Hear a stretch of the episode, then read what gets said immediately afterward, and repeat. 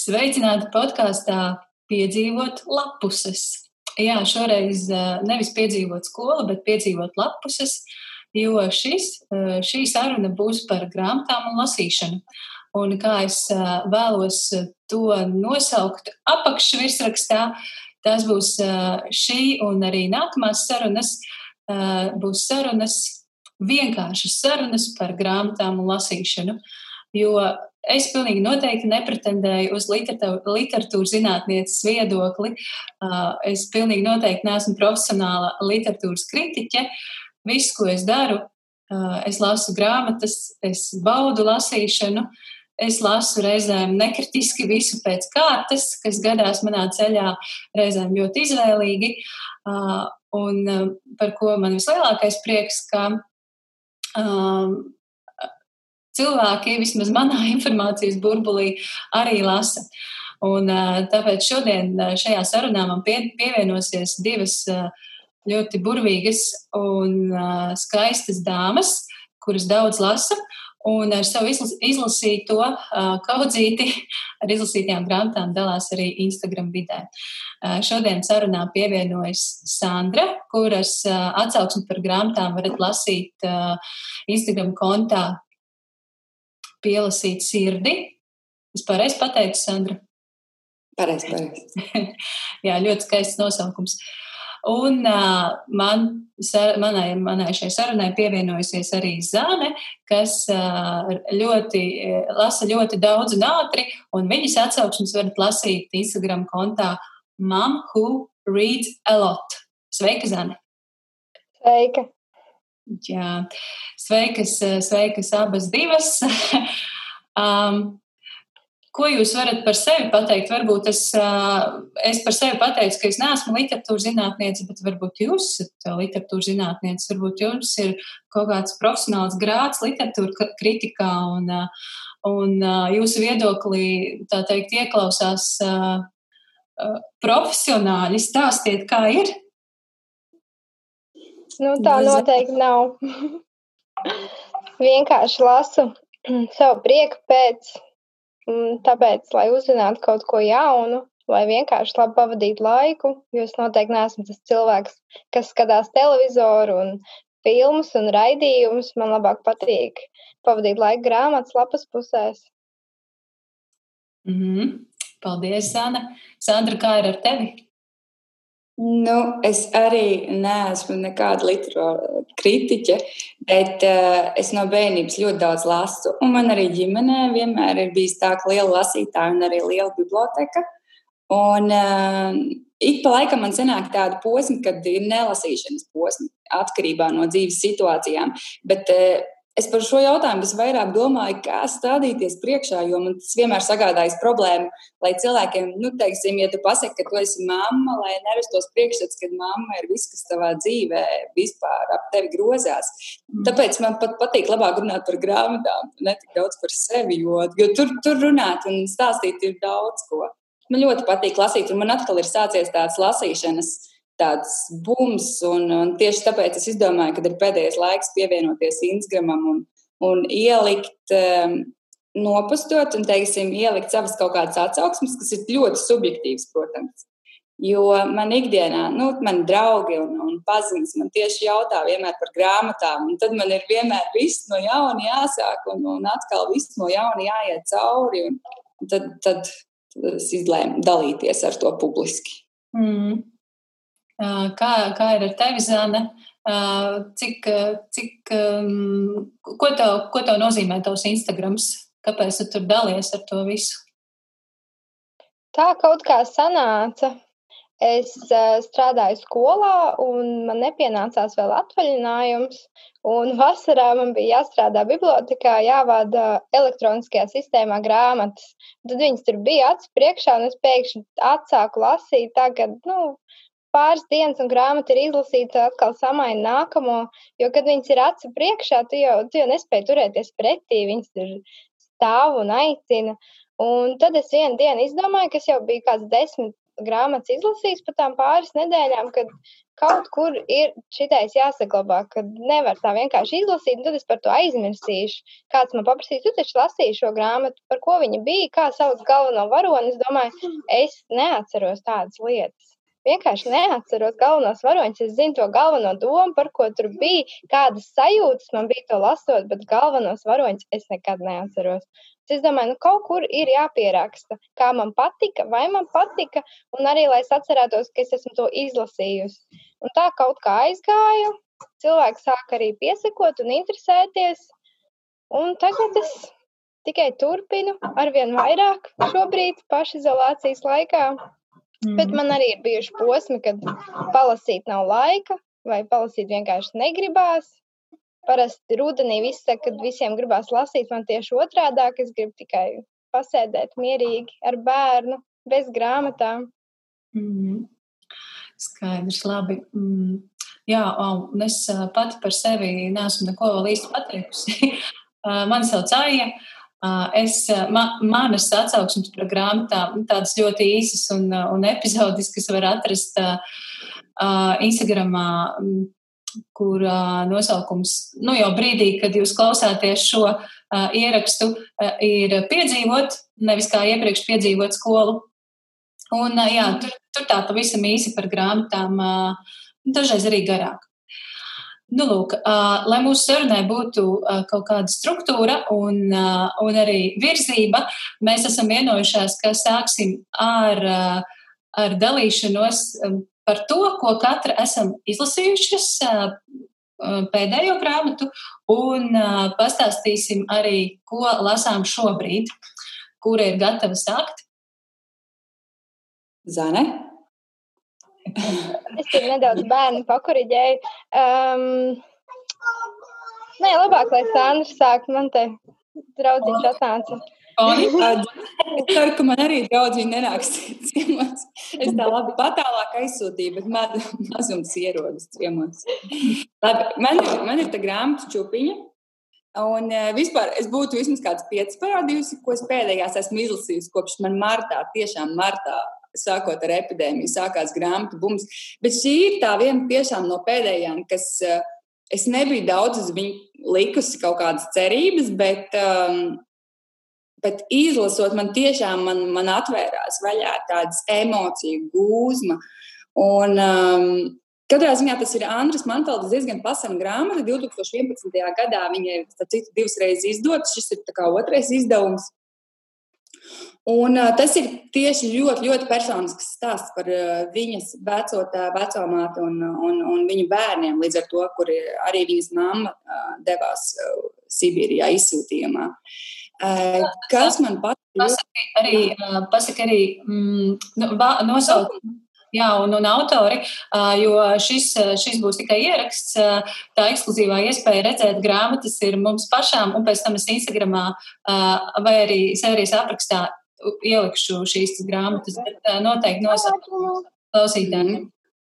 Tā ir Andras Mantelda zemnīcas bērni. Mm -hmm. un, um, Kas man pārsteidza visvairāk, ir tas, ka uh, viņa šeit min faktu, ka vecais tēvs um, ir kaut kur dabūjis iemainījis fotoaparātu. Un līdz ar to viņu ikdiena ir dokumentēta fotografijās, kas ir ļoti liels retums, jo, teiksim, no manas ģimenes, kur arī tika izsūtīta Sibīrijā, tādas dokumentālas piemiņas vispār nav saglabājušās. Un, un līdz ar to man liekas, tā viena no tādām vērtībām, kas ļauj tiešām palūkoties uz kaut kādu ikdienu un uz kaut kādiem, kaut kādiem um, teiksim, sajust dziļāk. To var just arī, cik ļoti viņi grib pietuvoties tam, tam savām saknēm. Um, tā kā sarunāties ar vecumāti un vecotēvu, skatoties uz to bildi, jo bildē tu izjūti to smagumu, vai tu redzi to apģērbu, un, un to tā atmosfēra viss tā kā ievelk ar vien dziļāk.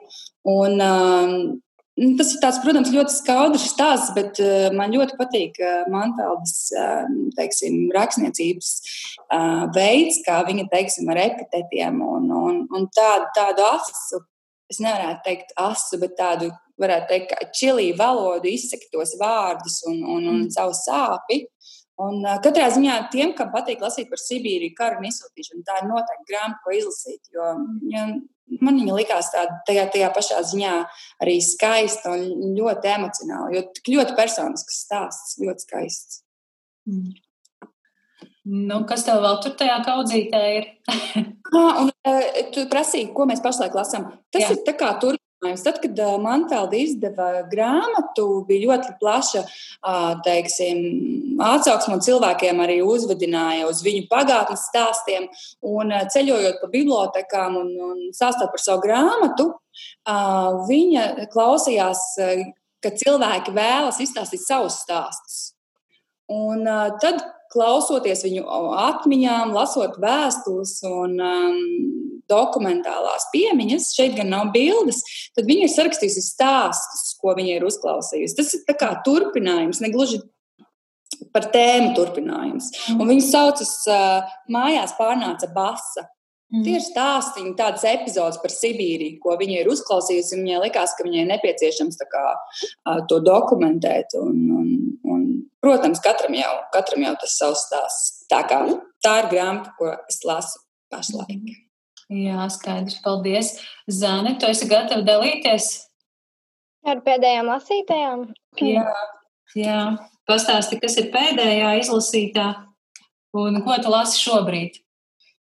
Pēdējā izlasītā man ir Elizabetes, nu, Rebekas, saki, ka tu esi mana. Tas ir jaunums Latvijas mēdījiem, uh, psiholoģiskās spriedzes trilleris, kas pilnībā atbilst šī žanra nosaukumam.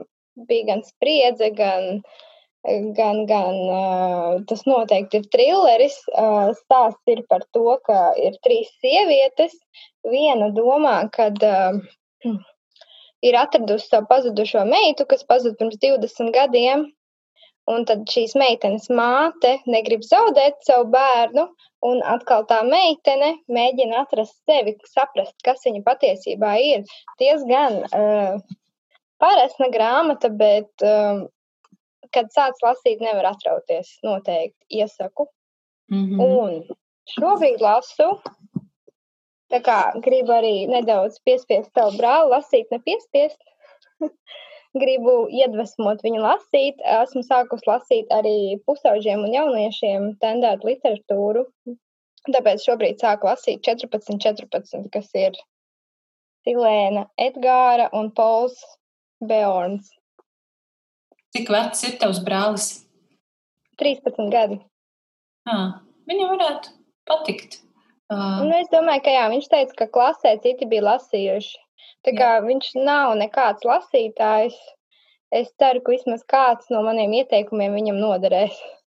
Nu jā, tur, tur ir interesanti tā vēsturiskā un, un mūsdienu, mūsdienu pasaules saplūšana. Nu, ne saplūšana, bet jā, ka tur ir gan uh, puika tajā pat vecumā, Tas, laikam, bija Pirmais pasaules karš vai? vai? 1914. gads un 2014. No, jā, jā, es jau iesāku lasīt. Jā. Man vienmēr patīk, ja vēsture ir iesaistīta grāmatās. Vēsturiskie romāni mīļākais žanrs. Forši, forši, ka tu esi savu uh, definējusi, kas ir tās mīļākais žanrs, tad, tad vieglāk tikt ar tām grāmatu kaudzēm galā. Jā, es mazliet pašaidīšu uh, Uh, jūsu stāstījumu ar savējo, jo man ir tādas interesantas grāmatas. Pēdējā, ko esmu izlasījusi, es ir šī te zvaigznes, uh, zvaigznes izdotā mm, enciklopēdija par emocijām, visas manas emocijas. Un šo es iegādājos, jo um, man šķiet, ka par emocijām jāsāk runāt jau agrā bērnībā, un es to nopirku ar domu, ka es uh, pamazām šķirstīšu to ar, ar savu divgadnieci, mēs šķirstām, kaut ko es viņai pastāstu, un tad, jo, jo vecāka viņa būs, jo vairāk mums būs runājumā, un, un jā, un tas tā mana doma ir tāda, ka, ka emocijas ir jāmācās atpazīt jau, jau bērnībā. Un savukārt tas, ko es lasu šobrīd, es nezinu, vai šī grāmata ietilps vispār, kadrā ietilps. Tā ir grāmata krievu valodā. Es esmu šausmīgā sajūsmā par šo grāmatu. Un, un, jā, tā ir grāmata ar nosaukumu Transsip. Uh, tas ir, kā jūs varbūt nojaušat pēc nosaukuma, tas ir uh, ne stāsts, bet tā drīzāk arī ir kā tāda enciklopēdija par Transibīrijas ekspresi.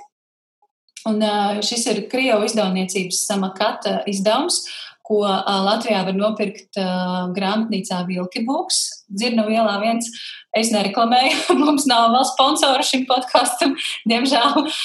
Bet jā, šī ir, manuprāt, vienkārši nu, lieliska grāmata. Tāpēc, ka man patīk tā ideja, šeit ir apskatītas 36 laikam stācijas, kas kur Transsibīrijas ekspresis apstājas. Un tās pilsētas te ir aprakstītas, kas šajās pilsētās ir interesants, īpašs.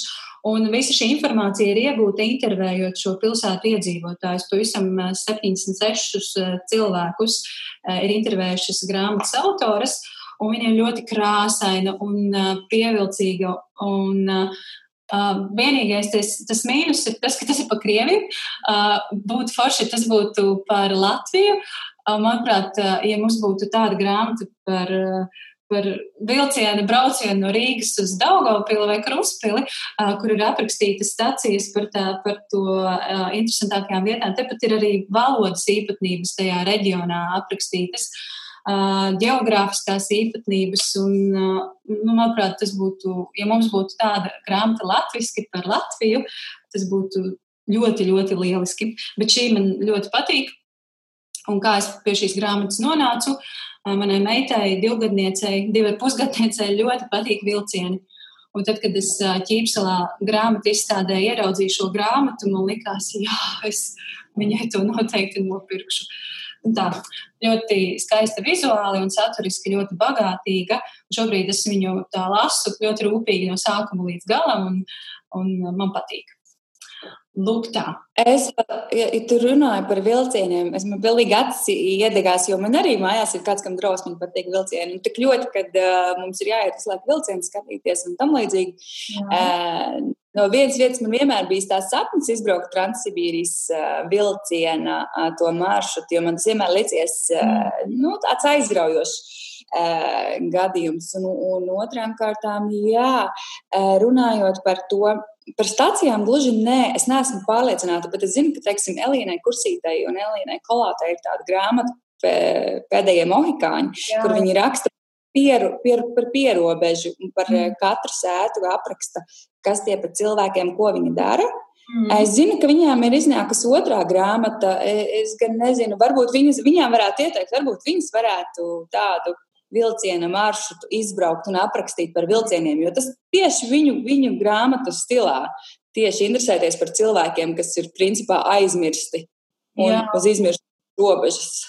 Jā, jā, jā, es esmu dzirdējis par šīm grāmatām, bet tās, man liekas, ir tik reti, kur vēl nopērkamas.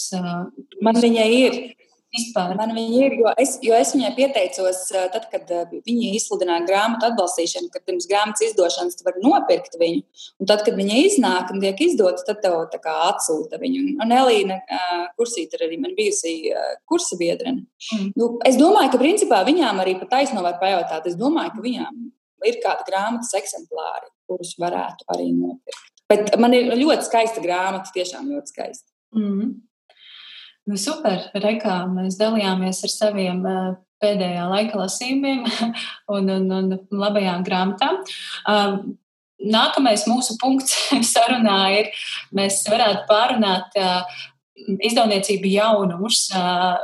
Es šodien pat papētīju, kas jauns ir iznācis izdevniecībām, un Mansards nu pat, nu pat šodien publicēja ierakstu, ka tūlīt tiks izdota vismaz Belšavicas dienas grāmatas trešā daļa. Ja jūs esat lasījuši pirmo, otro, tad var sākt gaidīt trešo. Jā, ko vēl, ko jūs ieraudzījāt, kas, jū, kas jums interesē, ko jūs gribētu izlasīt no jaunumiem, vai varbūt jau esat izlasījušas? Nu, man liekas, ka īstenībā vispār tagad sakarā ar krīzi, ar tiem jaunumiem, es, es, es domāju, ka iesāktie projekti viņiem turpinās, bet cik, drīz, cik ilgi mēs sagaidīsim pavisam jaunas grāmatas, ir arī tāds, tāds jautājums.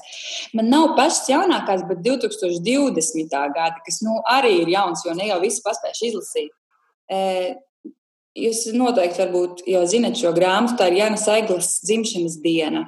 Mm -hmm. Tā ir viņa tre, viņas trešā grāmata Bet, nu, protams, mums tam arī bija dzīslas grāmatas izdotas, tā, kad tā varētu būt kāda ceturtā grāmata, bet tieši kā romāns un stāsti. Un, jā, nē, Egla, es, es nezinu, kā lai to izstāst. Ir citreiz, ka tu varētu teikt, ka es iemīlējies mazliet, ne gluži pašā autorā, bet, teiksim, viņas, viņa izpausmes veidā, kā viņš raksta, kā viņš pasniedz to. Tad ar Jānu Eglu man bija, tā kā varētu teikt, mīlestība no pirmā acu skatiena. Mm. Jo, kad es ieraudzīju viņas grāmatu gaismā, man likās, nu, nu paņemšu, paskatīšos. Es nezinu, kas tā par autoru, bet stāsti man patīk. Man patīk lasīt stāstus, un es viņu paņēmu. Un, un, protams, ka tie, kas lasījuši gaismā, to nevarētu teikt, ka tā, tā, tā ir, teiksim, stāsti par priecīgo. Un patiesībā tie ir ļoti tumši un, un, un tādi bēdīgi un skaudri stāsti, bet viņos visos ir tas kaut kāds cerības stars. Un, un tikai izlasot grāmatu, saproti, kāpēc viņi vispār nosaukti par gaismā. Un tad šo grāmatu, trešo, es tik ļoti, ļoti gaidīju. Un viņi tiešām saņēma savā dzimšanas dienā kā, kā, kā dāvanu, jo man tik ļoti patīk um, šī autora. Un, un tie, kas nav lasījuši Janu Egli, es ieteiktu noteikti izlasīt. Es nevaru teikt, ka tas ir pilnīgi priekš visiem, jo tādā latviskā garā tas skaudrums un tā sāpe tiem, kas patīk tāds rīktīgi latviskais. Viņi tiešām ir autori, kur ir vērts atzīmēt un, un vērts iepazīties. Man pat ir skaudība par tiem, kuri, kuri teiksim, vēl to nav lasījuši, un kad viņi sagaida tāds jaunatklājums. Mm -hmm. Jā, es, jā, Zanē, vienojies asistents. Šī grāmata noteikti ir manā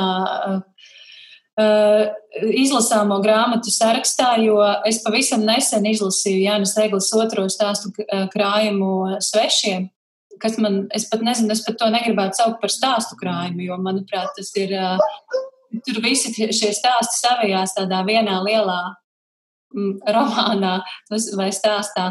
Jā, un, un es ļoti gaidu, kad, kad es tikšu pie dzimšanas dienas. Un es ceru, pavisam drīz to arī izlasīt. Vienīgais, jā, man ir bēda, jo mūsu pilsētā ir aizslēgta biblioteka un būs slēgta līdz 12. maijam. Un, Un tad es kaut kā mēģinu izlīdzēties, kaut ko nopirkt, kaut ko dabūt no kaimiņiem vai draugiem. Tā, jā, es ceru, ka Jāna Egle drīz šī, šis pēdējais, šī pēdējā grāmata nonāks manās rokās.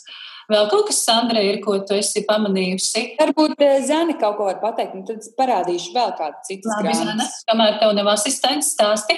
Kamēr nav. Uh, par dzimšanas dienu es izlasīju, arī ļoti patika. Jā, Negli, protams, tas ir mīlestība no, pirmā, no pirmās lapas puses.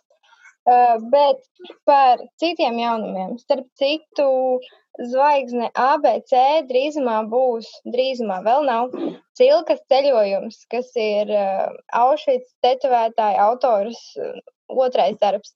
Un to es gaidu vienkārši, nu, es vienkārši gaidu, es mazliet katru dienu aizvaigs no ABC lapām, skatos, nu, kad tad ir tas drīzumā, kad tad būs. Un uh, kā jaunums, kas ir iznācis, arī man liekas, ka iznāca martā jau, vai februārī, februārī iznāca. Sastā sieva, mm -hmm. Ingas Grensbergas. Es uh, godu vārdu sākumā noskatījos uz viņu uh, izstādē, un es nodomāju, es taču to nelasīšu, nu kāds sakars.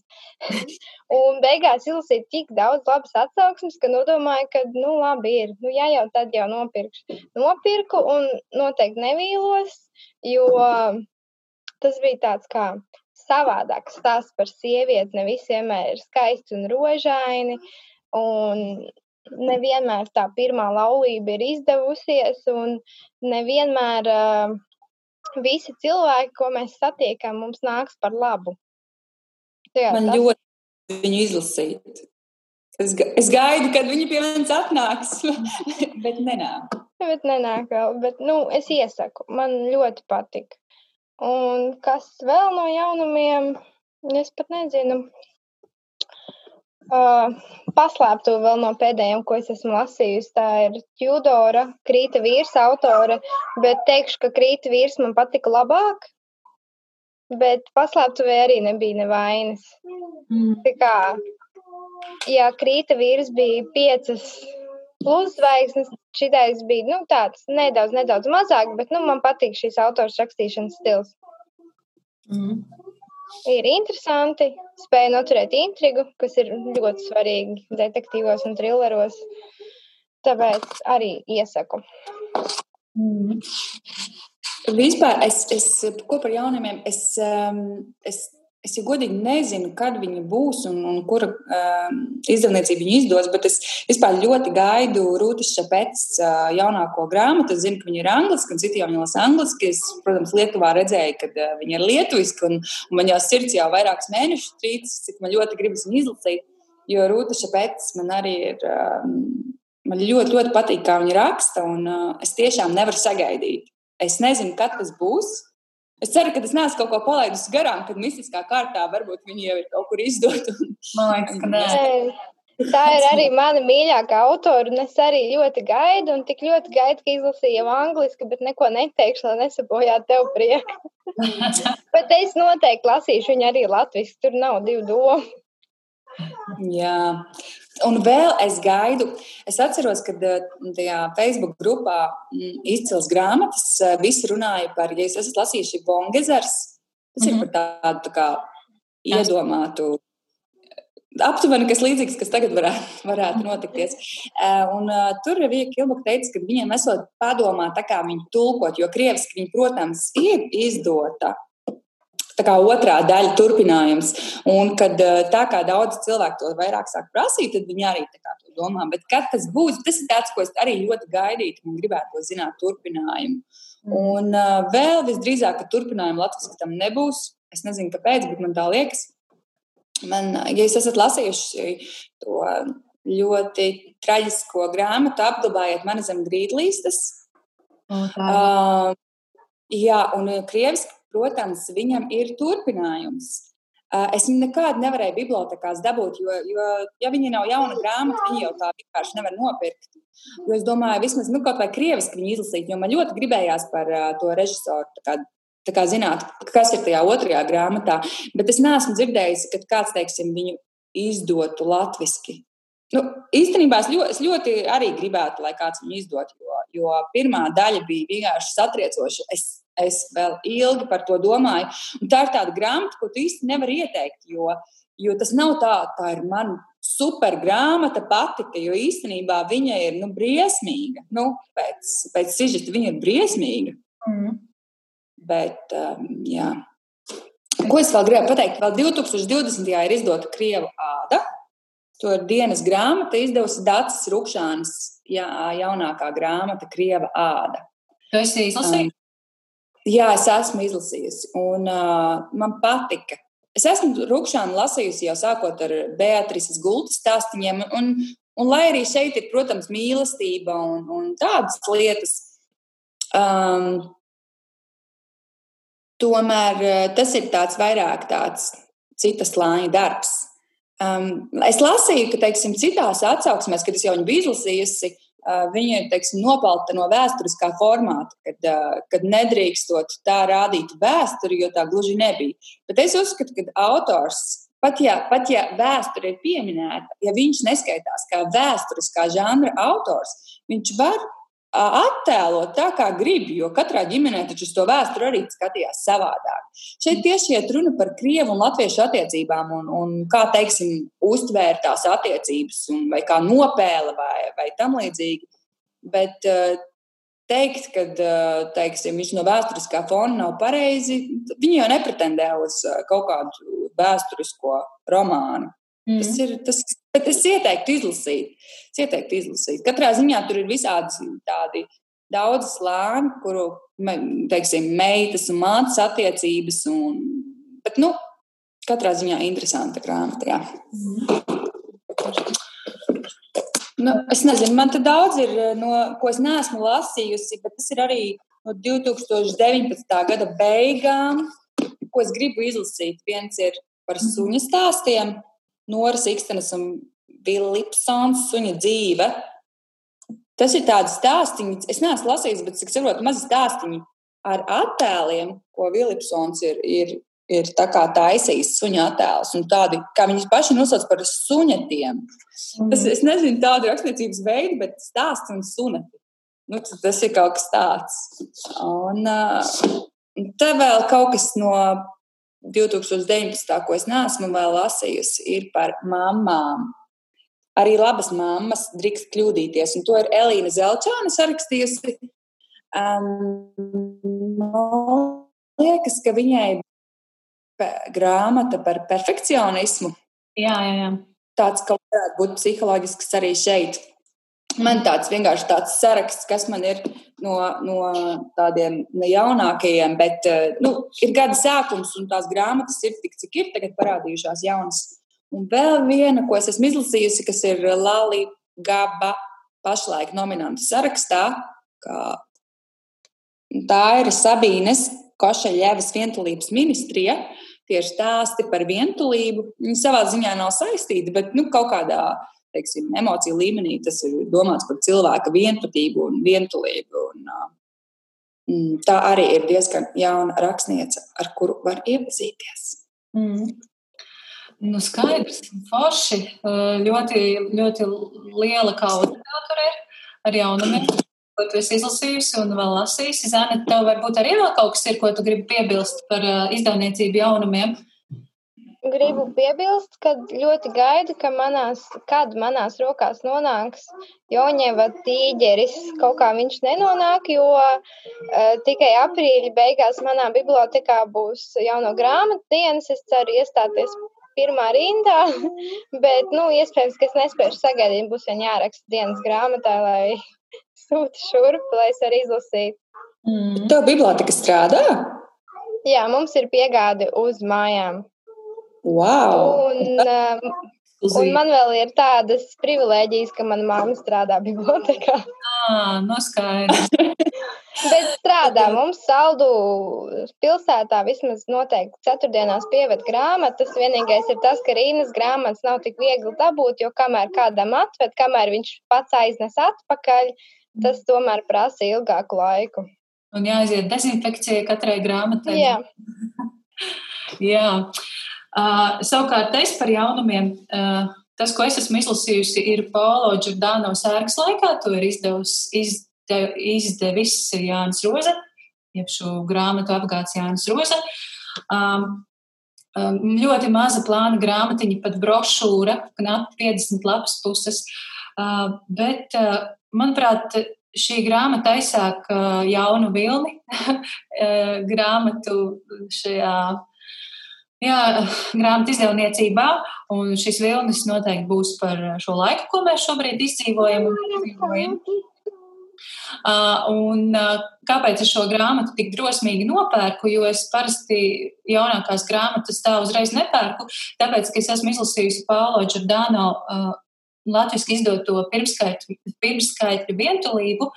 Un, tas gan bija pirms ļoti daudziem gadiem, kad es to grāmatu lasīju, bet es atceros, ka man patika šī grāmata. Man uh, likās interesanti tas, ko es tur lasīju. Vismaz sajūtās, es to atceros. Man kā zanē ir tā, ka es neatceros ne varoņu, varoņu vārdus, ne īsti notikumus, bet sajūta ir palikusi. Tāpēc es uh, nopirku šo grāmatiņu. Un, uh, jā, nu, jūs droši vien tie, kas, eh, tie, kas sako līdzi, zina, ka, ka grāmata ir uzrakstīta burtiski epicentrā Itālijā no 29. februāra līdz 4. martam šķiet.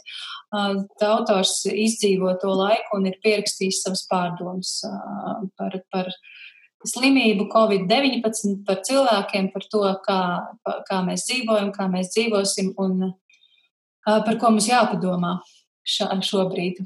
Un tā, Tā ir viena. Tā ir tā, ko es no jaunumiem esmu izlasījusi. Un man ir vesels saraksts, ko es ļoti gribētu izlasīt.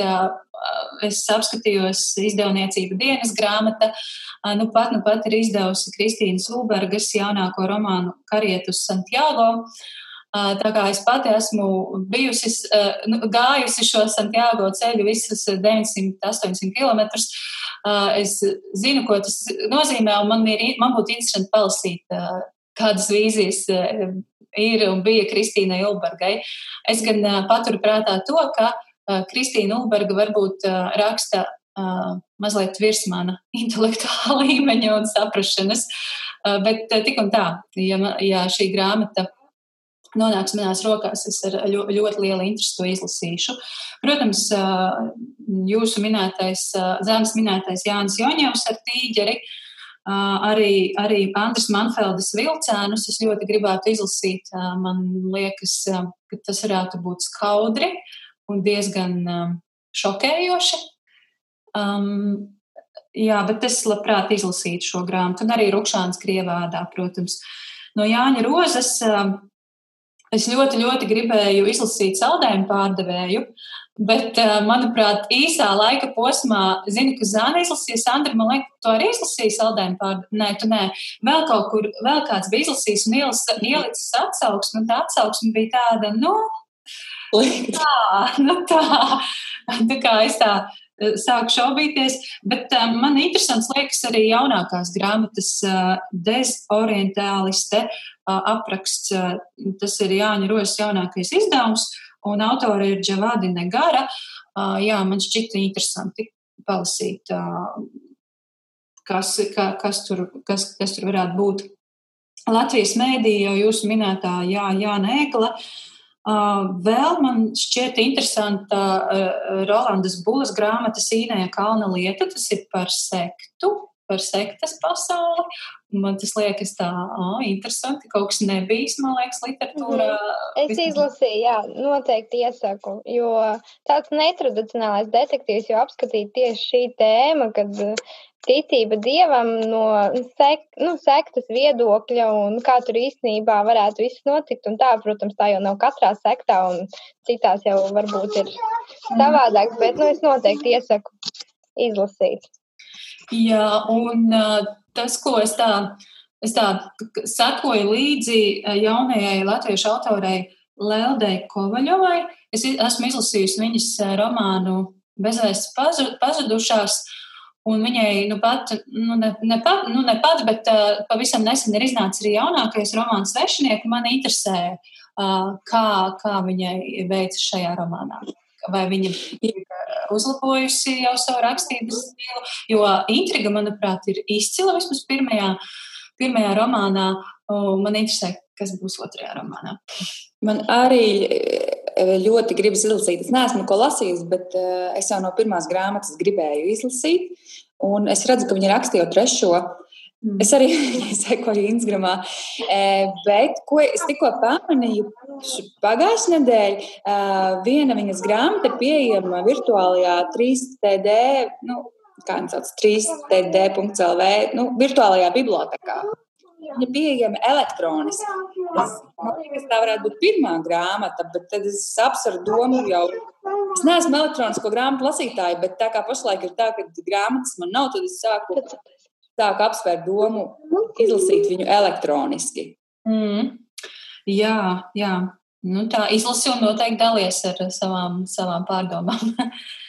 Jūs lasījāt to bibliotekas tās grāmatas? Es uh, neesmu nevienu neesmu jo es, uh, es atceros, ka man ir, man ir uh, uztaisīta parola, kuras esmu kaut kur veiksmīgi pazaudējusi, aizmirsusi, un es vairs tur īsti netieku iekšā. Uh, un es arī īsti neesmu uh, grāmatu lasītāja, kaut gan es esmu lasījusi. Bet tas pārsvarā ir ceļojumos, kad es negribu ņemt līdzi lielas grāmatu kaudzes, vienkārši elektroniski ir vieglāk lasīt. Nu, jā. Uh, vēl es apskatījos arī zvaigznes ABC jaunumus. Drīzāk, jā, to, to sadaļu, kur viņi raksta, ko, kas tiks izdots drīzumā. Jau Zānas pieminētā Heteras Morisas cilkas ceļojums. Es izlasīju Aušvicas tetovētāju, lai arī es nebiju sajūsmā. Man liekas, ka, ka to stāstu varēja uzrakstīt labāk, bet tomēr es vēlos izlasīt arī šo te uh, paralēlo stāstu par uh, baroni cil, cil, cilki. Tā ir cilka. cilka. cilka. Nu, jā. Cilka. Un es pamanīju, ka tiks izdota arī Džeja Ašera grāmata, grāmata 13 iemesli, kas varētu būt interesanti jauniešiem, jo ir šis te Netflix seriāls 30 Reasons Why, kas ir dažādām jauniešu problēmām, diezgan nopietnām, emocionālām. Un, un, jā. Tā tā tiks drīz izdota, un man šķiet, ka Zāne kaut kur tu biji ierakstījusi, ka tu ļoti gaidi, kad, nē, negaidi, bet tu esi pamanījusi, ka tiks izdota Zālijas rūnīta grāmata normāli cilvēki, kas tev ir plauktā angļu valodā. Un tad es tā mhm. domāju, ah, nu labi, šos arī piefiksēšu sev savā jo, varbūt... Ir, ir pie zvaigznām ABC drīzumā viņiem bija norādīts, ka viņiem ir jau pat vāciņš ieliks, tad jau pavisam drīz jābūt. Jā, jā, jā ka, ka tos arī tā kā droši vien. Jā, sanāks, ja būs par rokai, tad izlasīšu. Nu jā, un liels un mazs, diemžēl, nav sen neko izdevuši. Kaut gan, nu, tas bija marts, man šķiet, jā, marta sākums, kad viņi izdeva šo super lielisko grāmatu Sibīrijas haiku. Jurga Vīla ir autore. Un es, ja jūs neesat lasījušas, tad noteikti, noteikti izlasiet. Un, manuprāt, tā ir vienkārši liela grāmata. Kā par šo ļoti smago laiku runāt viegli, ļoti aizkustinoši. Un kā es nu pat izlasīju žurnālā, ir bija neliela, neliela intervija ar autori. Jā, ka bērni šo stāstu ierauga pavisam citādāk. Ja pieaugušie lasa un raud, Viņi prasa, tad bērni jautā, kāpēc raudi, jo viņi nu, to tik citādāk saskata un sajūt. Un ļoti laba grāmata, ļoti vērtīga. Jā. Jā, un ja kādam ļoti patīk Gabriels Garcia Markes, tad nu pat Jumava ir pārizdevusi simt vientulības gadus. To es pamanīju Jumavas jaunumu, jaunumu sadaļā. Nu tā, vēl kaut kas piebilstams par jaunumiem? Es nezināju, ka 13 iemesli ne, nebija latviešu, jo man viņi vienkārši ir angliski, un es esmu redzējis seriālu, un, liekas, jau trešā sezonā iet. Es, man, man ir pilnīgi pārliecība, ka viņi ir latviešu. Tas man, tas man ir jaunums, ka viņi nav latviešu. Labi, Lieliski, mēs esam norunājuši gandrīz 40 minūtes. Man, mana pat Zoom, nevis nu pat, bet pirms brīža Zooms uzrakstīja ziņu, ka mēs varam runāt neierobežoti, ka nav mums 40 minūšu ierobežojums. Dāmas mēs, un klausītāji, mēs runāsim vēl ilgi.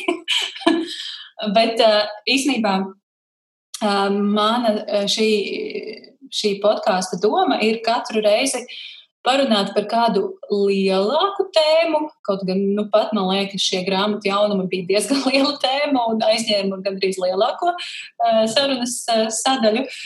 Un uh, šīs dienas tēma varētu būt tāda, um, parunāsim par to, kā mēs katra izvēlamies grāmatu, ko lasīt nākamo. Jo, manuprāt, tas ir viens no grūtākajiem lasītāja uzdevumiem. Stāstiet, atzīstieties, cik grāmatu stāv uz jūsu naktskapīša, cik grāmatu ir jūsu uh, izlasāmo grāmatu sarakstā. Zane? Man uz naktskapīša stāv precīzi 16 grāmatas. Kaut vai pašizolācijas iesāku ar 14 un izlasīju jau diezgan, bet viņas tāpat vairojās. Tur neko darīt nevar. Tā tas ir un būs. Un turklāt vēl bibliotekā es jau esmu pasūtījis vēl kaut ko un jau noskatījis veikalā, ko es vēlētos. Tas saraksts noteikti nesarūk. Un, diemžēl, vai par laimi viņš nesarūk. Es pat nezinu. nu, man Jā, man arī ir, es, es neesmu skaitījis, jo, jo tāpēc, ka viņas neatrodas vienā vietā. Man ir gan plauktos, jo man ir ļoti daudz grāmatas, kas man ir pirktas jau sen studiju laikā, un es viņas joprojām neesmu izlasījusi. Un grāmatas angliski, un, un uh, man ik pa laikam es esmu sarak, bibliotekas sarakstā, kad es stāvu rindā, un, un tad man ir māsa, kura viņai nopirkusi kādas grāmatas, tad mēs kaut ko samainamies vai iemainamies, un tad kā, varbūt mamma kādu grāmatu ir dabūjusi no kāda cita. Tāpēc tās grāmatas es pat teiktu, ka ne gluži es viņas izvēlos, bet drīzāk viņas kaut kādā veidā tieši tajā laika posmā atnāk līdz manim. Jo vēlēties es jau varu daudz ko. Tad, jo pats interesantākais jau ir, mēs runājam par jaunumiem, bet bieži vien um, bibliotekā vai, vai kādā cita grāmatplauktā izrādās, ka ir fantastiska grāmata, kur, teiksim, ir izdota pirms, nezinu, kā, pirms 2011. gadā, bet, protams, viņu vairs nevar nopirkt. teiksim, grāmatnīcā. Mm. Līdz ar to tās grāmatas tikai nāk un nāk un nāk ļoti daudz. Mm. Jā, man arī ir neizlasīto grāmatu plaukts atsevišķi. Uz naktas kapīšu es neko neturu, jo es tur varu turēt vai neturēt, tur tāpat nekas nesarūk. Tur tikai meita kaut ko pārcelā. Un, un man tas ļoti nomoka, ka tur nekas nesarūk. Tāpēc es nolieku viņas tā kā vairāk no acīm nost un atsevišķā plauktā. Un, jā, bet nu, tie saraksti man ir gudrīts. Jūs esat gudrīts aplikācijā? Jā. Jā. jā. Tur man ir saraksts, ko es ik pa laikam parediģēju. Saprotu, ok, šitā man vairs neuzrunā, ņemu laukā. Tad man ir telefonā saraksts, ar kuru es reizēm eju uz bibliotēku. Es esmu, esmu arī bibliotekārē nolikusi priekšā lapu ar kaut kādiem 20 autoriem un viņu grāmatām. Un, un, un saku, lūdzu, pierakstiet mani pie šīm grāmatām. Un es pat nezinu, cik, cik grāmatu ir manā bibliotēkas tajā profilā sarakstītas. Es domāju, ka tur es esmu diezgan daudz jau pierakstījusies rindā. Nu, jā, un kas ir interesanti par šīm izvēlēm, es šodien, šorīt izlasīju vienu interesantu rakstiņu par šo tēmu. Domāju, ierosmē izlasīšu, lai man, man, lai man ir ko jums pajautāt. Un tur viens no paņēmieniem, kas tika ieteikts, kā varētu izvēlēties nākamo grāmatu, ir salikt visu izlasāmo grāmatu nosaukumus, uzrakstīt uz lapiņas, un šīs lapiņas samest burkā, un tad izvilkt vienu lapiņu, un tā būs tā nākamā grāmata, ko varētu lasīt. Un es sapratu, ka nē, man tas nu, pilnīgi noteikti nestrādās. Es esmu arī Instagramā nofotografējusi kaudzīti ar grāmatām un, un prasījusi uzrakstiet, lūdzu, kur man lasīt nākamo cilvēku uzrakstu, izsaka savu viedokli, bet es tik un tā paņemu kaut ko pat ne no tās kaudzītas īstenībā. Tajā ir kaut kāda baigā mistika un pat ezotērika, man liekas, kā, kā tā īstā grāmata tiek paņemta. Es pat teiktu, arī tas ļoti atkarīgs no gara stāvokļa. Teiksim, ja ārā ir eh, vasara un man ir paredzēts gatavoties Jāņiem, teiksim, un es tur domāju par, nezinu, Rosolu bļodām un tam līdzīgi, man grūti būtu paņemt uh, melānijas kroniku un, un iedziļināties. Es vienkārši nespētu uztvert, pat tas, tas nekas, ka tā grāmata ir fantastiska, laba un izcila.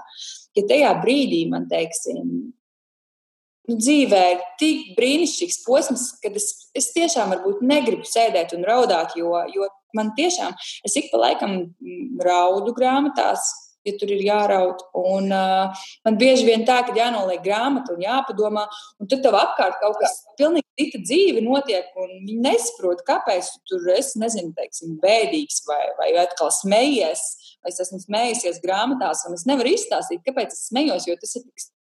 Tad, kad es izstāstu, tas vairs nav smieklīgi. Līdz ar to es nu, arī teiksim, paņemu rokās grāmatas, palasu vēlreiz aizmugurī, un tad pēc sajūtām teiksim, man gribas palasīt šodien kaut ko jautru, vai man, man gribas palasīt kriminālu romānu un par neko nedomāt. Nu, tā kā pilnīgi. Un tad kaut kā, tad kaut kā tā. Kā tev, Zana, ir? Ko tu vari pateikt? Es noteikti pēc sajūtām, vai arī es ļoti ilgi gaidu kādu grāmatu, tad noteikti es viņu lasīšu pirmo, bet viss pārējais tikai pēc sajūtām. Citreiz tu iegādājies grāmatu, jā, es viņu tagad lasīšu, un būs forši, bet nenāk tā sajūta, un tad beigās viņi tur tā arī nostāv, mhm. neizlasīt, un tad tu kādreiz paņem, jā, bet īstenībā ļoti laba grāmata, bet vienkārši nebija pienācis īstais brīdis tai grāmatai. Mm. Vienmēr saka, man draugi prasa, kā, nu, kā, nu, kā lai pieķerās tai lasīšanai, un, un nav laika, un tā tālāk. Es saku, kā nav laika, kad es apsēžos desmitos vakarā un sāku lasīt, tas citreiz piecos no rīta beidz. Nu, ja ir tā sajūta, ka ir jālasa, tad tu lasi. Ja ir tā sajūta, ka šī grāmata ir jālasa, tad tu arī lasi. Ja tev liekas, ka šis nav interesants, tu tikai mocies, nu, lietas nost, nu, tas nav jālasa tikai tāpēc, ka ir jālasa, ir jālasa tāpēc, ka tu gribi lasīt. Jūs varat tā tieši iesākt grāmatu un, un nepabeigt, jo es nevaru. Jā, jā. man ir bijis. Jā. Man ir kāds es... trīs reizes bijis, jā, kad, kad nebūs. Mm. man ir tā bijis, ka uh, es kādreiz lasīju tiešām grāmatu. Es lasīju, ņēmu, lasīju, jo man domāju, autors ir centies, varbūt tas viņa mūža darbs, un viņš ir ieguldījis darbu, naudu. Un, Varbūt es vienkārši nesaprotu, varbūt man nav īstais laiks, varbūt man nav tas, varbūt man nav tas. Un es kā aiz cieņas, aiz viņa vienmēr lasīju. Bet tad, tad, kad es jau gadā sāku lasīt kaut kādas nu, simts grāmatas un tam līdzīgi, tad es sapratu, ka nē, kāpēc man ir tik daudz grāmatas, varbūt, kas man, teiksim, tiešām būs uz pieci. Es nespēju to divu lasīt. Man viņa gribas, nu, es nezinu, spiest projām. Es nesaprotu un man nepatīk. Un... Bet tas mm. nenotiek bieži. Tik trakam man nenotiek. Es grāmatas neiznīcinu. uh, jā. Cik daudz jūs ietekmēties no citu cilvēku viedokļiem, izvēloties grāmatu, kur jūs lasīsiet nākamo, vai vispār, kur lasīsiet? Cik jūs daudz lasāt tos pašus Instagram ierakstus, citu, citu cilvēku Instagram ierakstus, atsauksmes, cik jūs daudz sekojat gudrīt aplikācijā kāda, kādiem lasītājiem? Vai, jā, pastāstiet, varbūt radinieki ir ir kāds radinieks, kam jūs uzticaties viedoklim? Nu, es noteikti lasu Instagram citu cilvēku atsauksmes, tāpat arī tajā pašā dombietu grupā izcils grāmatas. Um, ietekmējos ļoti no citu atsauksmēm. Ja es esmu nolēmusi kādu grāmatu pirkt, un es izlasu, ka nu, nebija nemaz interesanti, nebija ne tur sižets, ne tur bija galvenie varoņi, nekā tur nebija, tad, tad es viņu beigās nenopērku. Es, es ietekmējos noteikti, vai arī es lasu, ka jā, šis bija izcili un labākais, ko esmu lasījis, tad es noteikti to grāmatu nopirkšu, bet eh, nu, nevienmēr tā būs. Mans atsauksmes arī nebūtu nenozīmē, ka uh, kādam citam liksies, ka ir tieši tā mana piedzvaigžņu grāmata citam būs divnieks, un atkal viņa divzvaigžņu grāmata man būs piecinieks. Tas ir, tu grāmatu izlaid caur sevi, caur savu pieredzi, savām sajūtām, un katram jau tā pieredze ir atšķirīga. Mm. Bet gudrītas aplikācijā es uh, drīzāk ieeju pēc tam, ka jau es esmu kaut ko izlasījis, lai uzspiestu zvaigznītes, kā man patīk, un lai saglabātu, ka es esmu viņu izlasījusi, un par retam sameklēju kādu grāmatu, nu, atsauksmes, ja nav. Uh, ko es varu teikt par savu ietekmēšanos? Es teikšu tā, ka uh, es īsti neietekmējos, jo es atsauksmi parasti lasu pēc tam. Es uh, skatos grupas, lai meklētu grāmatas. Teiksim, uh, Instagramā pirms tam es neizmantoju grāmatām, jo es pat nezināju. Nu, es, es viņā nepiedalījos, tikai nesen sāku. Bet, teiksim, tajā pašā izcils grāmatas un uh, Gudrīz ne tik ļoti. Es lasu pārsvarā atsauksmes pēc tam. Man patīk salīdzināt, teiksim, varbūt kaut kādu niansu, kuras neustvēru. Sevišķi, ja man, teiksim, nepatika grāmata, varbūt es, es gribu saprast, vai, vai ko citi par to saka, man tas interesē. Bet pirms tam, nē, es, es lasu viņus, lai aptuveni redzētu, ka šī tā grāmata, ok, tas ir par to. Uh, viņš saka, ka kā bija labi, es viņu, es viņu ielieku sarakstā, bet man ļoti nepatīk, tāpēc, kā man nepatīk no filmu traileriem uzzināt pārāk daudz. Es parasti traileru skatos līdz pusē. Man, nepat, man ļoti nepatīk ietekmēties, jo, jo, jo tad es visu laiku gaidīšu. Ja man kāds pateiks, nu, ka šī tā būs nu, tik izcila, tad es visu laiku gaidīšu, un tad man būs tāda vilšanās. Man patīk tas pārsteiguma moments. Bet eh, no izcilām grāmatām, varbūt, ja kāds tiešām, ja teiksim, man mamma saka, ka šī ir ļoti laba, tad, tad protams, nu, tādā ziņā es ietekmējos, jo es viņu ielikšu savā sarakstā, ka viņam noteikti jāizlasa. Bet, uh, principā, es mēģinu mm, nu, lasīt tā salīdzinoši virspusē, lai man neatklāja pārāk daudz. Man, man patīk pārsteigumi. Mm. Patīk, Bet uh, ir kāds, uh, ir kāds uh, cilvēks uh, vai tuvinieks, vai varbūt uh, vienkārši zināms uh, nu, zināms atsaukšņu rakstītājs, kura viedoklī jūs tiešām ieklausāties. Nu, ja šis cilvēks pateica, ka ir labi, nu, tad ir jābūt labi. Un jūs ticat, un parasti tās, tās sajūta sakrīt ar to cilvēku. Ir kaut, kāda, kaut kāda tāda pieredze. Nu, man pieredze ir tāda, ka pat ja es teiksim, nu, no tuviniekiem mums ļoti daudz kas sakrīt, ir arī, protams, kas nesakrīt. Līdz ar to es to neņemu kā, kā vispārīgu tādu Nu, mēs, mēs pārsvarā pārunājam par tām grāmatām, kas patika, kas nē. Jo nu, nav tā bijis, ka nu, pilnīgi viss simts procenti sakrīt. Bet uh, to, var, to var just tagad Instagram arī just, kad pēc izlasītām grāmatām, pēc, uh, kad tu palasi pēc tam tās atsauksmes, ka tas kopistiskais jūti, kad ir uh, līdzīgs, teiksim, uh, es nezinu, nu, tas tā grāmatu izvēle un tās emocijas, kuras meklē. Mm. Mm. Bet tā, ka konkrēti kaut ko tikai kādam uzticētos, visdrīzāk, um, nē. Mm. Kā tev zēna ir? Nu, es esmu galvenais uh, grāmatu ieteikumu cilvēks savā ģimenē un draugu lokā. Tāpēc diži neietekmējos no viņiem. Ja nu vienīgi māma saka, ka visi baigi šo grāmatu ņem un kad uh, šī būs laba, tad jā, labi, es izlasīšu. Bet nu, viņi man arī ir iedavusi pāris, un es teicu, ka nepaldies. ka nebija nemaz tik labi, ka nesakrīt tās gaumas. Jā. Jā. Man atkal ir tā, ka es atceros vienu brīdi Latvijā ļoti, ļoti uzplauka grāmatu blogeri. Tad atkal viņi visi kaut kā pazuda, un šķiet, ka šobrīd ir jauns vilnis, šo grāmatu blogeru vilnis. Es atceros, ka tajā laikā es lasīju šīs atsauksmes, un man kaut kā vairākas reizes nesakrīt ar šiem cilvēkiem viedoklis, un es paņēmu grāmatas, kas vispār nebija, nu, man, es, protams, tās izlasīju, jo es parasti, es visbiežāk izlasu visas grāmatas līdz galam, un ir šausmīgs perfekcionists, niķis, tas laikam. Un, un, jā, un tad es domāju, nu, kā tā, nu, ja rekur cilvēks raksta atsauksmi, tad jau jābūt baigi labai. Un tad ar laiku, uh, arvien vairāk lasot, uh, tā nu, kat, attīstās katram pašam sava gaume un, un sava sapratne. Ok, man šim cilvēkam patīk, varbūt uh, fantāzijas romāni, kas man galīgi nepatīk, bet es esmu atradusi cilvēku, kas lasa uh, to, kas ir mans žanrs, un es uh, vairāk ieklausos tajā cilvēkā un lasu tā cilvēka atsauksmes. Tāpēc man ļoti, ļoti patīk sekot Instagramā uh, gan tev, Zane, gan tev, Sandra. Jo man liekas, ka um, mums ir kaut, kaut kas līdzīgs. Vismaz man tā liekas, man, es, es ieklausos jūsu viedoklī uh, par, par uh, jūsu, izlasī, jūsu izlasītajām grāmatām. Un, un, um, es, jā, es, es ietekmējos no Instagram un no, no jums. Un vēl gudrībā man ir vairāk cilvēki, kam es sekoju, man interesē, ko viņi lasa, un man interesē viņu viedoklis par izlasīto. Uh, bet man ir arī kurjos par uh, saistībā ar šo visu. Ir, uh, ir tāds pašs skolotājs Oskars Kaulans, un viņš ir ļoti, ļoti liels lasītājs. Un es viņam sekoju arī gudrībā. Es nezinu, varbūt jūs arī. ja Oskars šo klausās, tad čau, Oskar. Un, um, Man tā šķiet, ka tas bija viņš.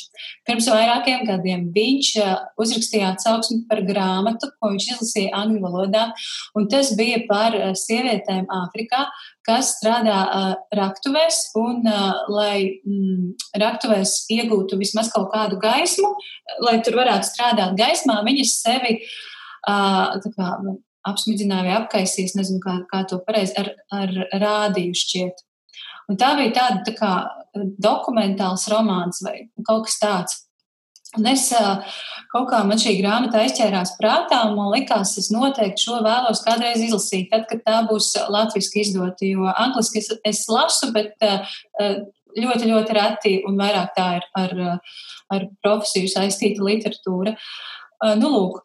Un tad kaut kā nejauši ieraudzīju, ka Jumava ir izdevusi grāmatu Mirdzošās meitenes. Rekordi viņi ir es rādu Zanai un Sandrai, mirdzošās meitenes, un es izlasu aprakstā, autori ir no Dienvidāfrikas, sakrīt, mirdzošās meitenes, sakrīt, kaut kas par sievietēm.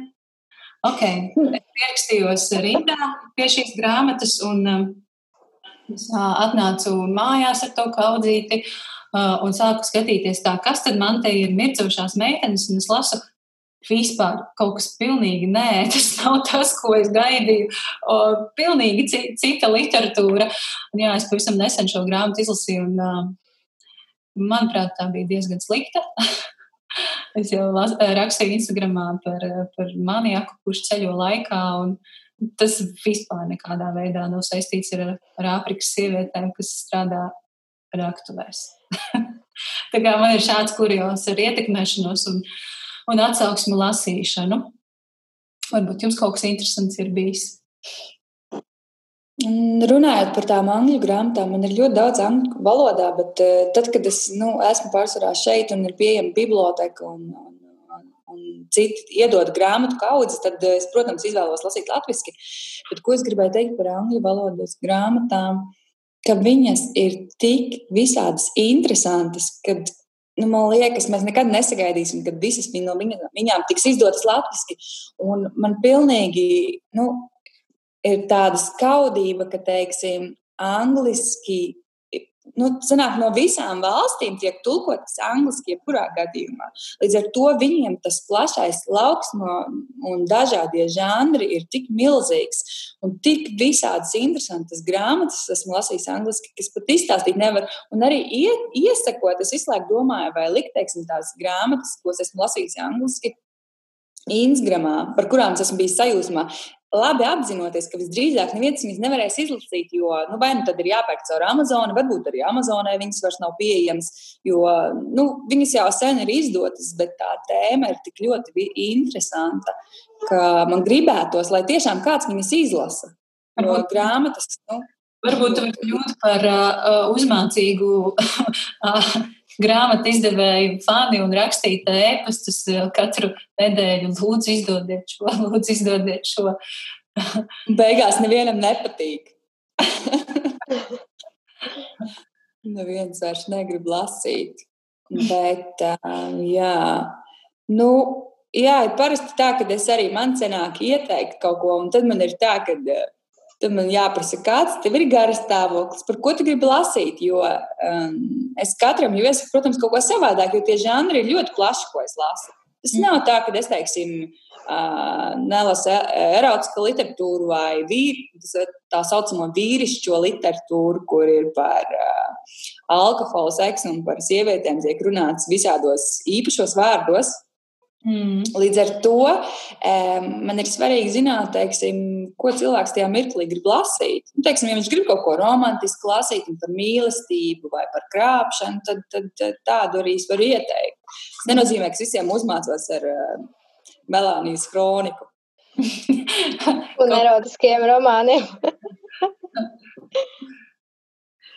Jā, nu, es, man liekas, tas ļoti reti, kad kādam iesaku izlasīt izlasīt kaut ko noteikti. Man bail no tādas atbildības. jo, jā? Jā, jā. Nu, es, uh, es varu tā attālināt, ieteikt Instagramā, uzrakstīt beigās šo es iesaku, bet tā piezvanīt cilvēkam un pateikt, klausies, es iesaku tev šo grāmatu, ja nu vienīgi mammai vai kādam ļoti tuvam, tuvam cilvēkam. Bet uh, tā nē, man liekas, ka tā ir baigā atbildība. Jo, ja nu tam cilvēkam nepatīk vispār. vispār. Jā, man, ir, man ir vesels saraksts, ko es, ko es iesaku, bet problēma tāda, ka es nekad neatceros, teiksim, tas cilvēks uzrodas pēc pusgada, un es neatceros, ko viņš ir izlasījis no tām manām. Un tāpēc man vienmēr ir tā, ko tu esi, tu šito izlasīji, ko es tev teicu, šito lasīji, ko es tev teicu. Un man zināk, tāpēc, saka, man visu laiku sanāk atkārtoties, man visu laiku ir tā kā Es jau sen esmu aizmirsis nosaukumu, man jāiet atpakaļ gudrībā, jāskatās, kā to grāmatu sauca. Un tad es teicu, un tad es, te, un tad es uh, draudzenei teicu, labi, viss, es uztaisīšu Instagram kontu, ej un skaties un meklē pat. Es, es vairs ne, ne, netaisīšu atsevišķos sarakstus. Ļoti labi, ļoti labs plāns tev izdevies. Zani, kā tevi, tu iesaki citiem? Labprātīgi. Jā. Jā, ir gadījies. Kolēģiem ieteikt, ka viņi, nu, tu jau daudz lasi, vai ne, iesaka man kaut ko, es saku, nu, ko tev patīk lasīt, nu, es nezinu, kaut ko interesantu, un tad ir tāds, nu, jā, nu, pagaidi, ir interesants kaut kas par karu, un ir interesants kaut kas par mīlestību, kas tev šķiet interesants, bet, nu, tā sanāca, kad uh, es palaidu Rūtu Šepetis savā darba vietā visu jaunāko kolēģu starpā. Viņi tur klejoja, un tad es devu vēl citas grāmatas līdzīgas un vispār kaut ko, kas man ir paticis, un lielākoties viņas ir teikušas, ka jā, šis bija labs, dod nākamo. Bet um, tā, gluži citiem, ko es galīgi nezinu viņu gaumu, par ko viņiem varētu pateikt, man ir diezgan grūti ieteikt. Mm -hmm. Zini, es gribēju jautāt, tu teici, ka tev patīk vēsturiskās grāmatas, kur kaut kas par vēsturi, bet tu esi lasījusi Līsas Sī, tā kā Šanhais meitenes un um, uh, snie, sniega, vē, sniegotais vēdeklis. Es nevaru atcerēties nosaukumu. Nē, man šķiet, bet, ka nē. Viņa raksta kaut kad sen. Viņa raksta par uh, Ķīnu un Ameriku, un tur ir eh, tiešām vēsturiski romāni. Un salīdzinot ar Rūtu Šepētis, viņai, teiksim, ja Rūtai ir par Lietu, un, teiksim, mums kaut kas vairāk saistīts par Eiropu, tad eh, viņai ir par, eh, par Ķīnu. Un viņas grāmatas ir man ļoti patika. Ir sevišķi sniega, sniega veideklis. Es, es paskatīšos, un varbūt es atsūtīšu. Un tad man atsūtīs. Jā. Vai arī ierakstīt. Jo tur ir arī par tradīcijām un cenajām Ķīnas, par mazajām pēdējām pēdiņām lotosa. Zinat, kas ir mazās lotosa Jā. pēdiņas. Un tas ir ļoti, ļoti, ļoti interesants stāsts. Protams, arī sāpīgs, bet nu, ļoti vē, ar vēsturi saistīts. Un ļoti tiem, kam patīk teiksim, par dažādu tautu kultūrām, kaut ko jaunu uzzināt, tad tā ir viņas grāmatas, ir nu, tādas ļoti, ļoti vērtīgas. Mhm. Paldies! Būs ko pievienot 16 grāmatām uz naktas kapīšu. Oi, traki, traki, traki ar šīm izvēlēm, man liekas, ir. Jā, es, jūs runājāt, un es atcerējos, ka pavisam nesen draudzene rakstīja un prasīja, Klau, ko tu vari ieteikt uzdāvināt, kādu grāmatu tu ieteikt uzdāvināt nu, tādam, cik 30, 30 gadīgam vīrietim. Uh, Es, es, es zināju šo vīrieti un apmē, apmēram varēju nojaust aptuveno viņa gaumi.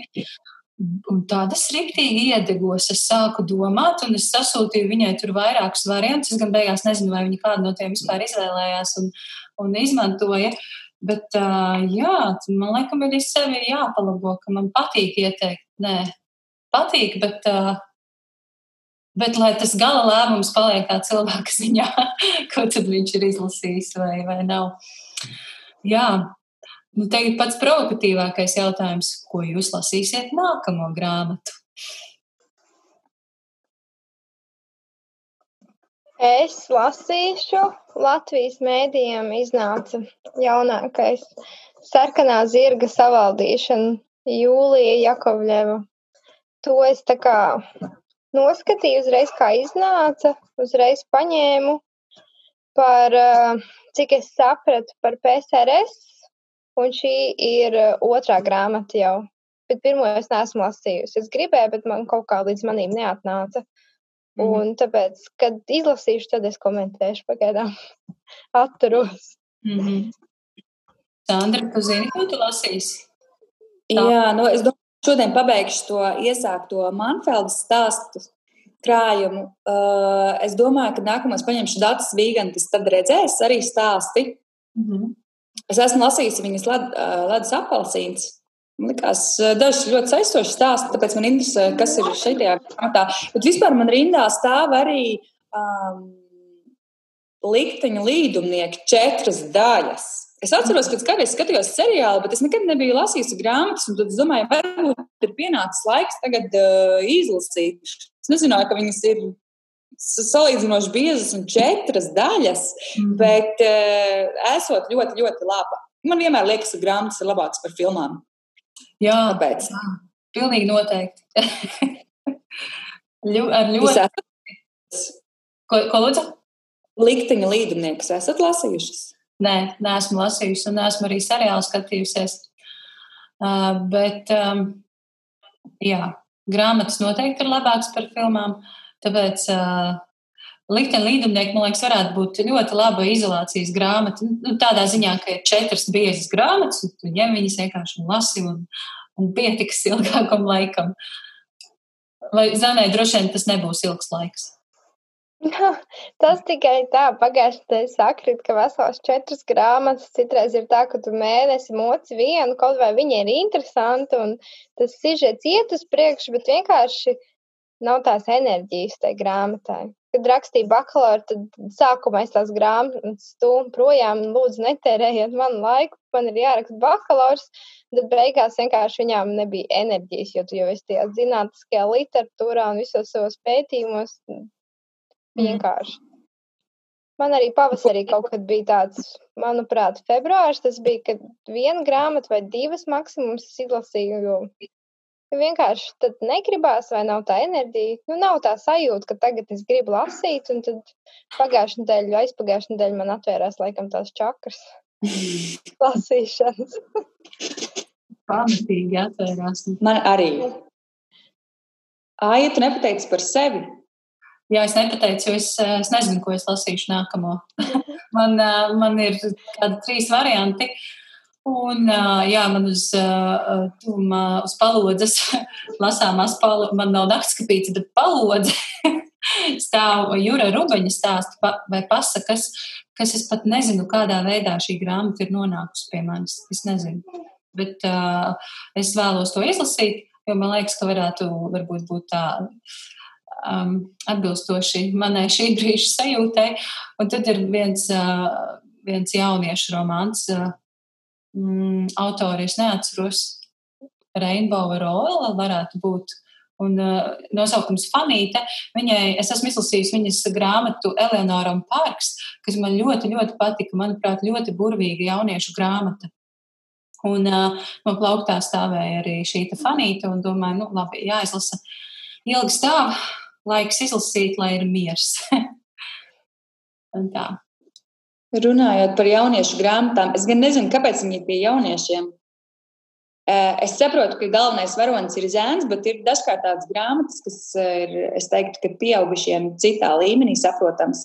Tie, kas nav izlasījuši puiku, kurš redzēja tumsā, tā ir tik skaista grāmata, un, un man liekas, ka kad vajadzētu katram izlasīt, un, un, un, un varbūt arī pusauģiem, bet nu, arī tagad viņa ir Lali Gabas Latvijas literatūras gada balvas uh, nomināte. Mm -hmm. Salīdzinoši jauna grāmata. Man liekas, ka um, Rasa ir ļoti, ļoti labi pasniegusi šo tēmu, kas arī ir tāds uh, Latvijas literatūrā tāds, tāda. Nu, es vismaz neatceros, kad kāds būtu runājis par uh, neredzīgiem cilvēkiem un, un vēl tik uh, interesantā veidā to, to pasniedz. Un to Jā. es arī ieteiktu no salīdzinoši jaunajām grāmatām, ko vajadzētu izlasīt. Jā, man, man es pievienojos, Sandra, tev. Man šī grāmata ļoti patīk. Šī jā, ļoti laba grāmata. Un, kas man šajā grāmatā šķiet labāk par šiem puikas stāstiem un atmiņām un sajūtām, man labāk patika mātes šīs epizodiskās māt, mātes sajūtas, kas bija ļoti īsi aprakstītas, bet tur bija tik daudz emociju iekšā. Um, jā, tā bija viena no tām grāmatām, kādu Sandra saka, tu bieži raudi, lasot. Es arī bieži raudu, lasot, un, un šeit es arī jūtu ļoti lielu aizkustinājumu tieši lasot šīs mazās, mazās epizodītes, kur mātes stāsta savas sajūtas. Tā. Nu, ko? Kā, kā jūs jūtaties, vai jūs jūtaties, ka esat visu pateikušas? Varbūt ir kaut kas, eh, kas vēl uz sirds, ko noteikti gribat pateikt, eh, vēl pēdējo reizi izkliegt. Noteikti izlasiet!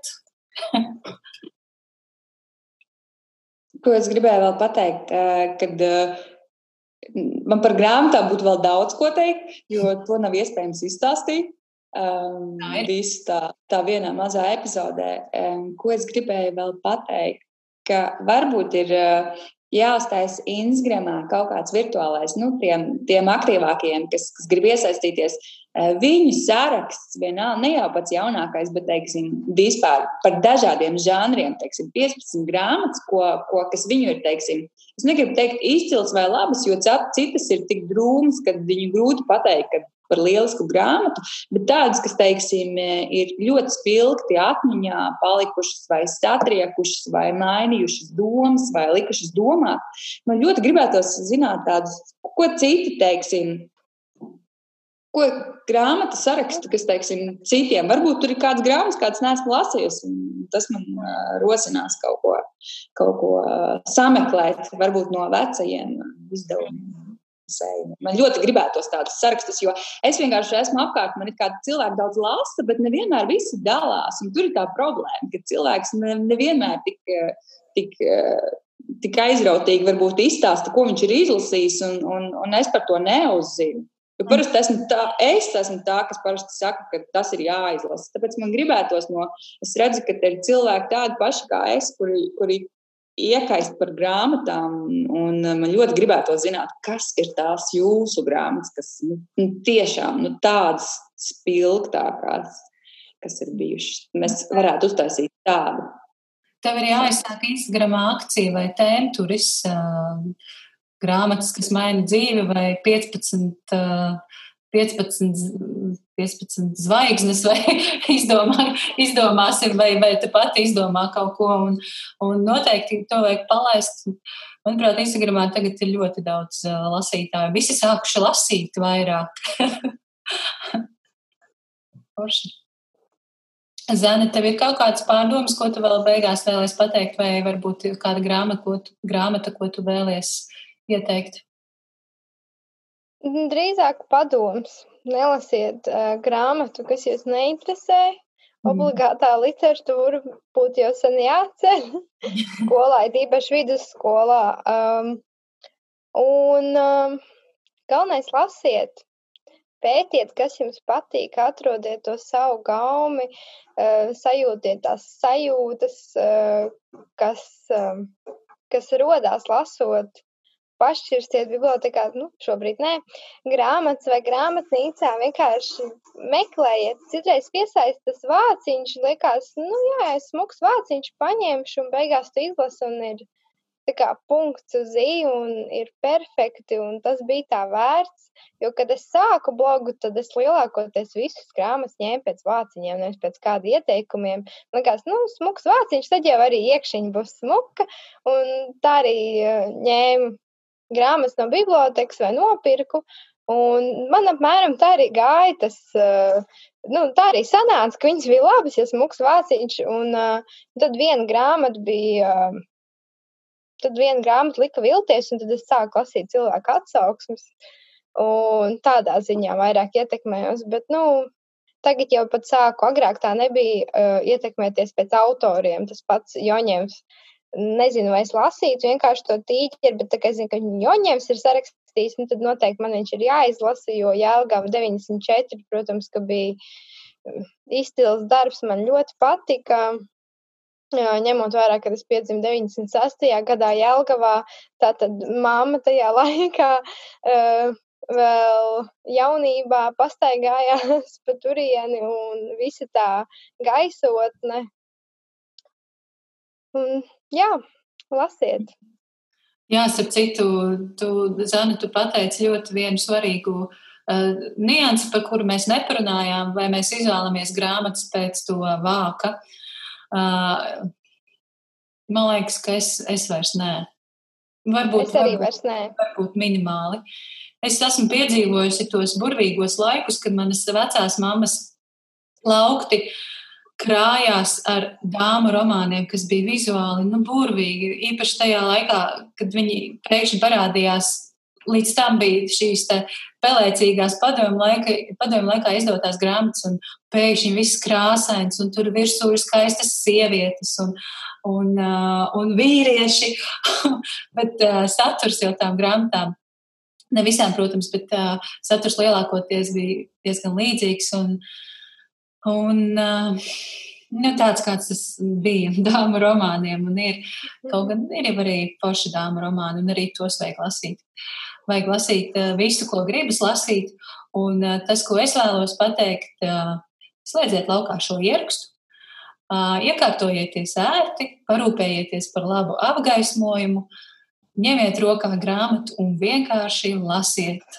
Un pēc tam uzrakstiet man, Sandrai vai Zanai vai, vai jebkam, kā jums patika grāmata, ko jūs tikko izlasījāt. Paldies! Es šodien teikšu paldies Sandrai un Zanai. Paldies, ka pievienojāties šim manam eksperimentam un uz satikšanos citās sarunās par grāmatām.